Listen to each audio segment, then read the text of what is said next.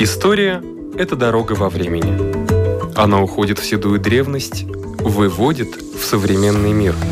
Она показывает, рассказывает, объясняет. И не перестает удивлять. Живая история.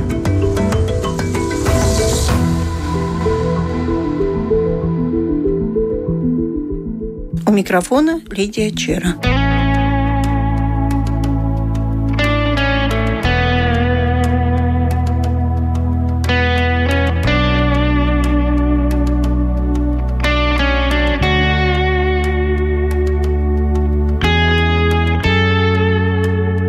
Для меня Ян Розентал – это его замечательная картина «Принцесса и обезьянка». Это его замечательная жена, оперная дива, финская певица Элия. Это его творчество, но какое значение в жизни и творчестве Яна Розентала играла Рига, вот об этом мне известно очень мало. Поэтому в этом году, когда Яну Розенталу исполняется 155 лет, музей Яна Розентала и Рудольфа Блауман приготовил лекцию, которая так и называется «Рига Яна Розентала, заведующий музеем Даце Восса. В этот момент музей работает немножко по-другому, как обычно.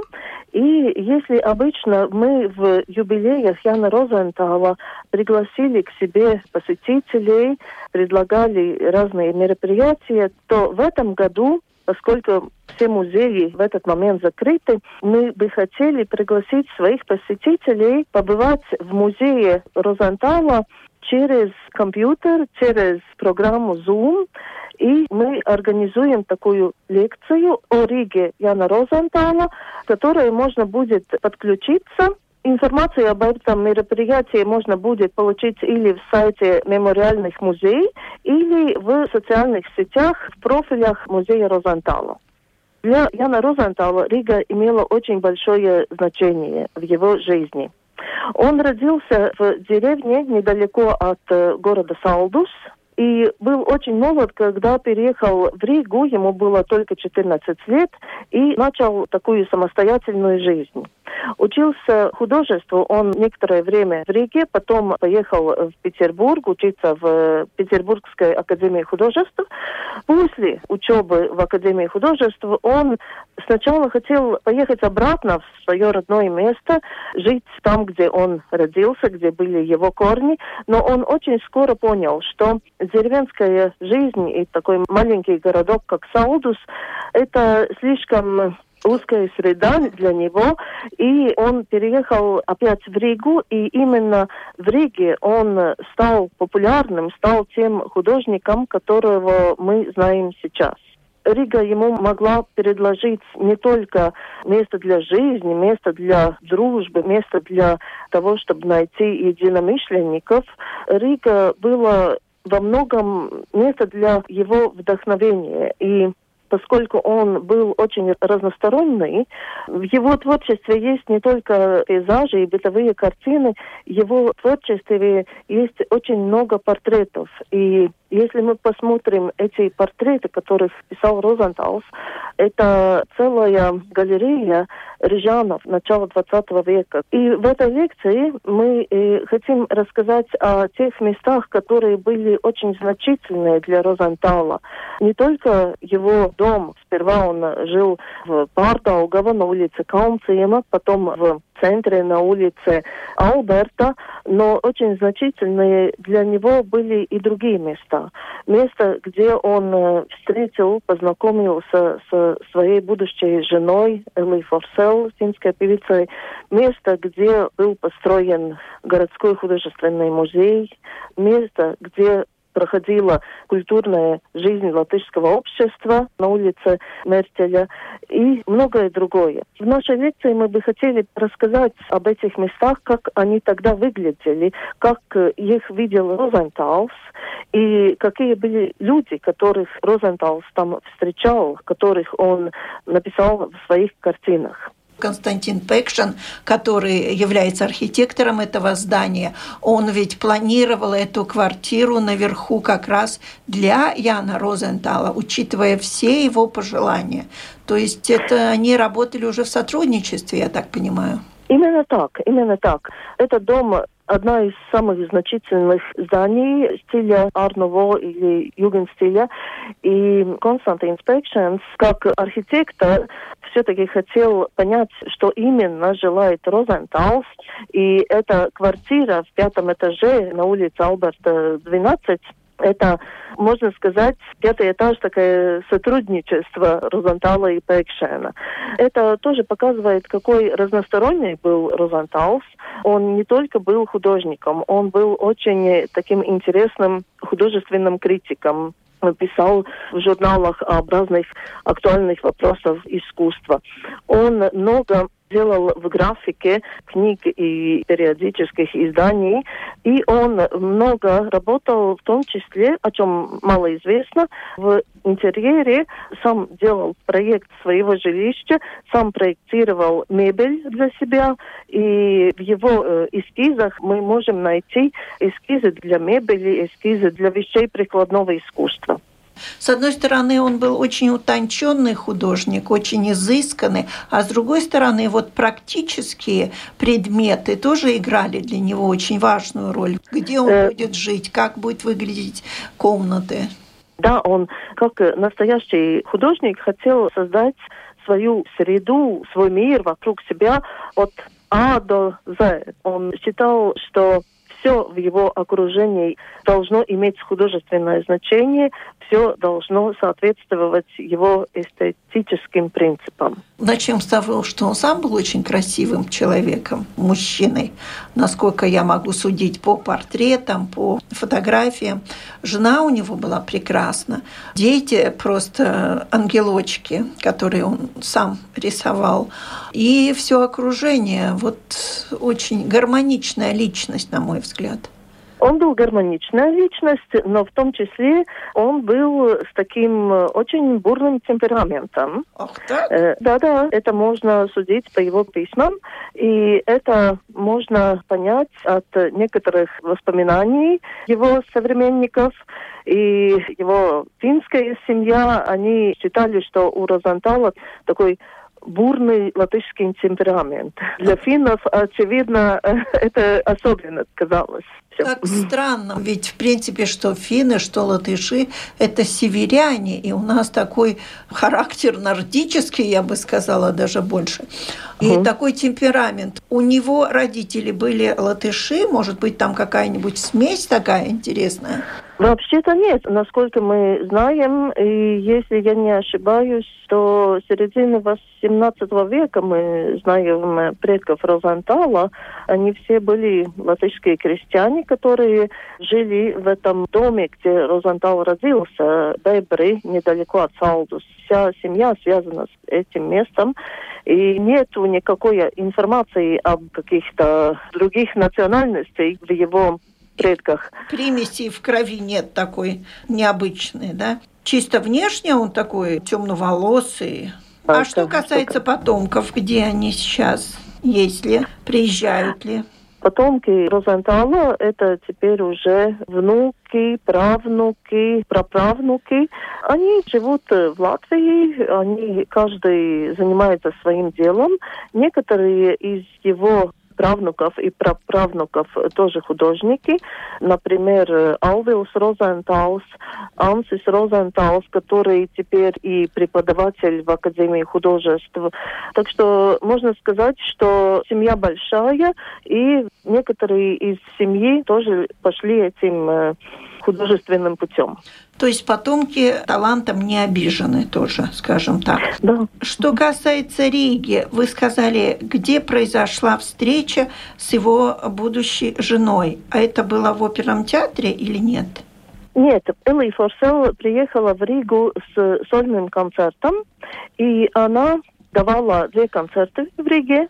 Один был в латышском обществе и один в эстонском обществе. И Розенталс после этого концерта был приглашен в гостях у Гросвалдов. Семья Гросвалд была широко известная семья, и глава этой семьи Фридрих Гросвалд был председателем латышского общества. И семья Гросвалдов давала ужин в честь э, финской певицы, и Янис Розенталс был приглашен на это мероприятие. Он пришел с букета роз, поскольку Элли в своем концерте исполнила песню Сибелиуса «Черные розы». Он подарил ей эти розы, и так они познакомились, и очень скоро объявили о своей помолвке, и через три месяца поженились. Поженились они в Хелсинки, но жили в основном в Риге. А сколько ему было лет, когда он женился? Раньше э... женились поздно довольно. Да, ему было 36, Элли было 30. Ну, конечно, Элли что-то меняла э, в своей жизни, поскольку у нее были большие планы на будущее как певица. Она со своей однокурсницей собиралась поехать в турне в Соединенные Штаты Америки, но поскольку она встретила Розантала, она все поменила и осталась здесь, э, в Латвии. Но она продолжала свою деятельность, она давала концерты здесь, в Латвии и в Эстонии, и она не стала быть только домохозяйка. Все-таки это была не семья, в которой только один художник, это была семья художников. Они оба были те, которые создавали эту среду и эту атмосферу в квартире Розентала. А гостей много принимали? Я знаю, э, что там жил Рудolf Блауманис у них, но на каких условиях, почему, я не знаю. Рудolf Блауманис у Розенталов жил недолгое время, с 1906 до 1908 года, и то не все время. Было так, что квартира для Розенталов была даже слишком большая, и некоторые комнаты для них были не нужны. И они сдавали. В основном это была одна комната у мастерской, но иногда сдавали и еще другую. И разные люди там пожили некоторое время, но Бломанис из всех этих жильцов был самый интересный, самый значительный. И когда был основан музей, конечно, это был создан как музей Розентала и Блауманиса, поскольку Блауманис, э, хотя он очень короткое время там жил, но это все-таки такая особенная личность в нашей культуре. А гостей вообще у Розенталов было, конечно, много. У них была большая гостиная, которую можно и сейчас посмотреть, если посещаем музей. И в этой гостиной они организовали такие музыкальные вечера, где играли на пианино, пели, читали поэзию и, и так далее. И очень много культурных деятелей того времени, художников, актеров, музыкантов э, побывали в этих вечерах. От чего он умер, Ян Розентал? Ведь, в принципе, он же не дожил до старости. Нет, к сожалению. Было так, что в 1915 году Розенталы уехали в Финляндию, в Хелсинки, поскольку началась Первая мировая война. Все должны были эвакуироваться, и они старались начинать новую жизнь в Финляндии и в Хелсинки, но это было очень трудное время. И Розенталс переболел воспалением легких, и в 1916 году, когда дела как бы уже начали налаживаться, все-таки, наверное, из-за того, что его здоровье было повреждено, он Рождество умер от сердца. Одно другое потянуло за собой. Ну да, кажется, что так это было. Госпожа Вуса, так когда состоится лекция? Лекция состоится в четверг, 18 марта, 6 часов вечера. Так что приглашаем присоединиться, ищите информацию, и буду рада рассказать что-нибудь о Розентале. Абсолютно уверена, что будет много еще интересного, кроме того, что вы сегодня услышали. Спасибо. У нашего микрофона была заведующая музеем Яном Розентала и Рудольфа Блаумана Дацевоса.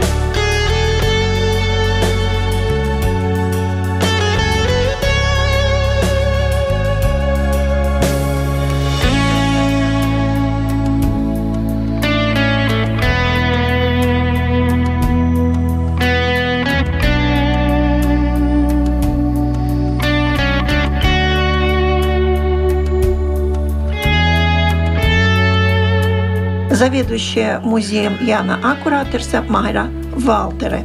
Сейчас время такое, почти все музеи закрыты, но ведь музеи при всем при том не прекращают своей деятельности. Хоть как-то, хоть виртуально, хоть бы, но все равно они занимаются своей просветительской миссией. Вот чем занимается музей Яна Акураторса.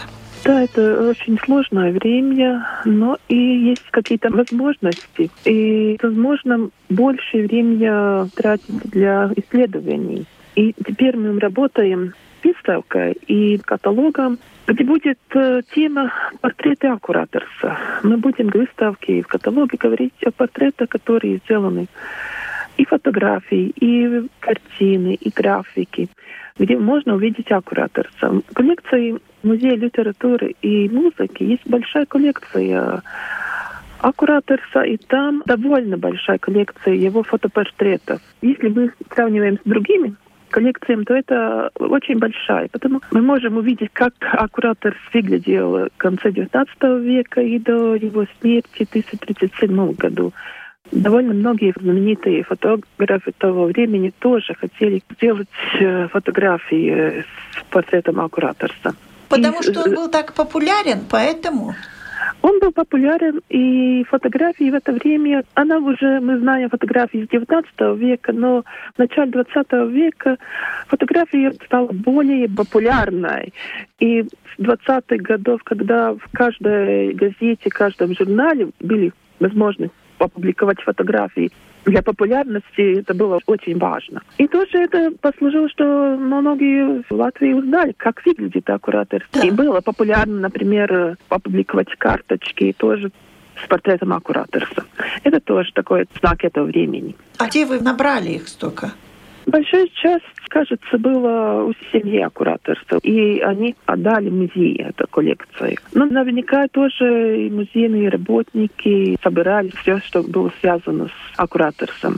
И работая на этим, каталогом и выставка, мы знали очень интересные вещи. Это связано с фотографом Янисом Рекстом. Один из знаменитых фотографов в начале 20 века в Латвии. Он э, родился в 1800 1981 году, и уже в конце XIX века он переехал в Ригу.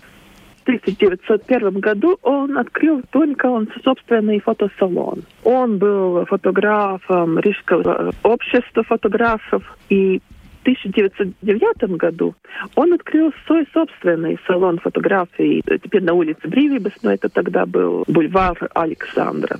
В этом фотоателье был и фотогалерея. Но он оставил очень много своих работ, и его интересовала творческая личность. Потому у нас есть и фотографии актеров, и литераторов в то время. То есть целая очень... коллекция досталась вашему музею? Не только, не только нашему музею, но вообще в музеях Латвии. Текст один из лучших фотографов этого времени. Uh-huh. И если надпись «Рекс» под фотографией, это, это э, отметка... Да. У нас очень интересный еще один факт, которого я про это, про это не знала. Это связано с 1908 годом, когда был юбилей Лева Толстая. И по инициативе Рекста Общество латвийских фотографов сделал альбом. И Янис Рекст фотографировал 25 латышских писателей. Он э, сделал этот альбом с этих фотографий. И этот альбом был как подарок послан Леву Толстою. И интересно, что альбом сохранился и теперь находится в Москве, в музее Толстого.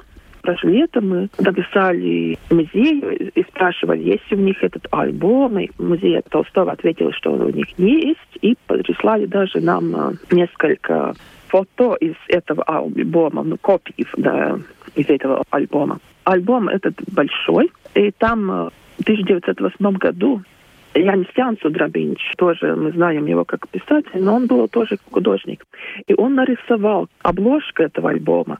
И другой художник сделал из серебра такое украшение этого альбома. И очень прекрасный. И на первом листе есть и предисловие, как... Э, посвящение? Посвящение, да.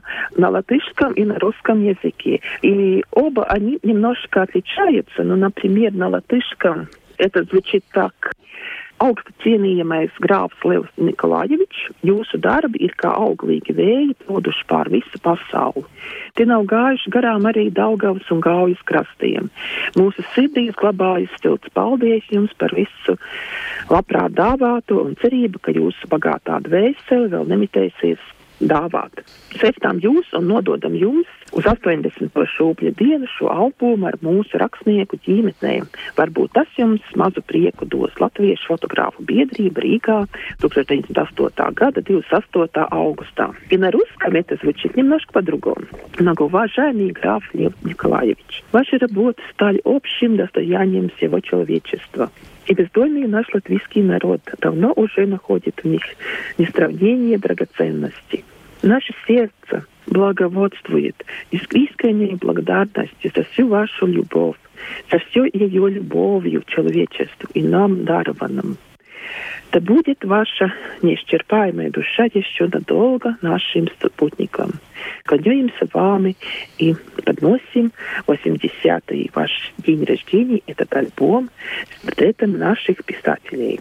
Может, это составит вам хоть небольшое удовольствие. В 1908 году, 20 августа, Латышское фотографическое общество в Риге. И что Толстой ответил, что он и прислал письмо к Латвии, что ему понравился этот альбом. И в этом альбоме есть тоже фотографии Яниса Кураторса. И эта фотография в 1908 году в выставке за эту фотографию Янис Рекс получил золотую медаль. Такой интересный факт тоже. Вот такие интересные вещи раскапывают сотрудники музеев во время пандемии. А вот ваш цикл, который был Ликтенига, еще проходит хотя бы виртуально? Да, у нас будет еще два мероприятия виртуальные, но будет. Один уже был в этом году, когда мы в 15 январе праздновали юбилей Аккураторсов. И в этом году мы отмечаем юбилей 145-й его рождения. И в 15 январе у нас было мероприятие, посвящено женщине, которая называется Евстолия Рогозинникова. Об этой прекрасной особе, прекрасной женщине, аккуратор написал рассказ, который называется «Смерть». И в этом рассказе он как бы спрашивает, может ли смерть быть прекрасной?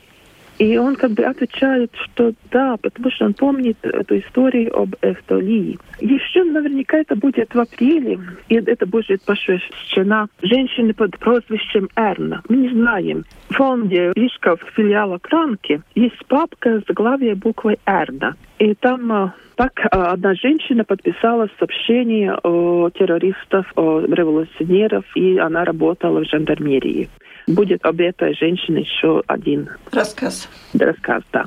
Спасибо за информацию о новостях из музея Яна Акураторса. Благодарим заведующую музея Майра Валтере.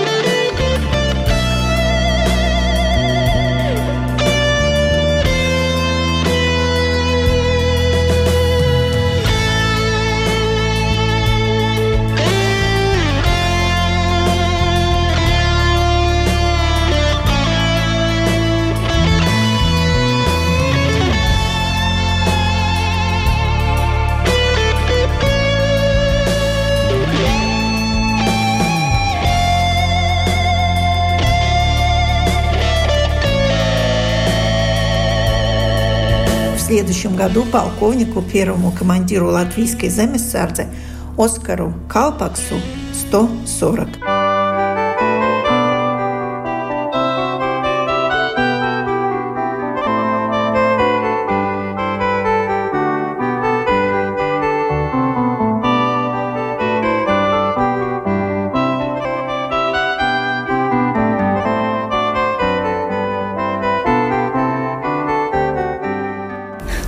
Реликвии истории Латвии, рассказывает Ирина Зейбарте. Мы заинтриговали наших радиослушателей началом рассказа о какой-то вроде бы совершенно обычной фотографии. Может быть, она все-таки не так обычна? Она совсем необычна, потому что она связана с важными событиями в истории Латвии. На этой фотографии мы видим четверых молодых людей. Фотография поцарапанная, не очень качественная, но ценность ее во-первых, тех людях, которых мы видим на фотографии, а во-вторых, в истории ее дальнейшей. На фотографии, которая сделана, вероятнее всего, в конце ноября или в начале декабря 1918 года, сидят четыре молодых человека. Три из них братья, братья по фамилии Рубули, а один из них, вероятно, человек, имя которого знает каждый, кто интересуется историей Латвии, это Оскар Скалпакс еще до вступления в латвийскую армию. Вероятнее всего, это тот момент, когда Калпакс и братья, которые были его земляками с одной волости, они пришли или приехали в Ригу э, с целью поступить в латвийскую армию, которой еще фактически не было, ведь мы знаем, что республику провозгласили только 18 ноября.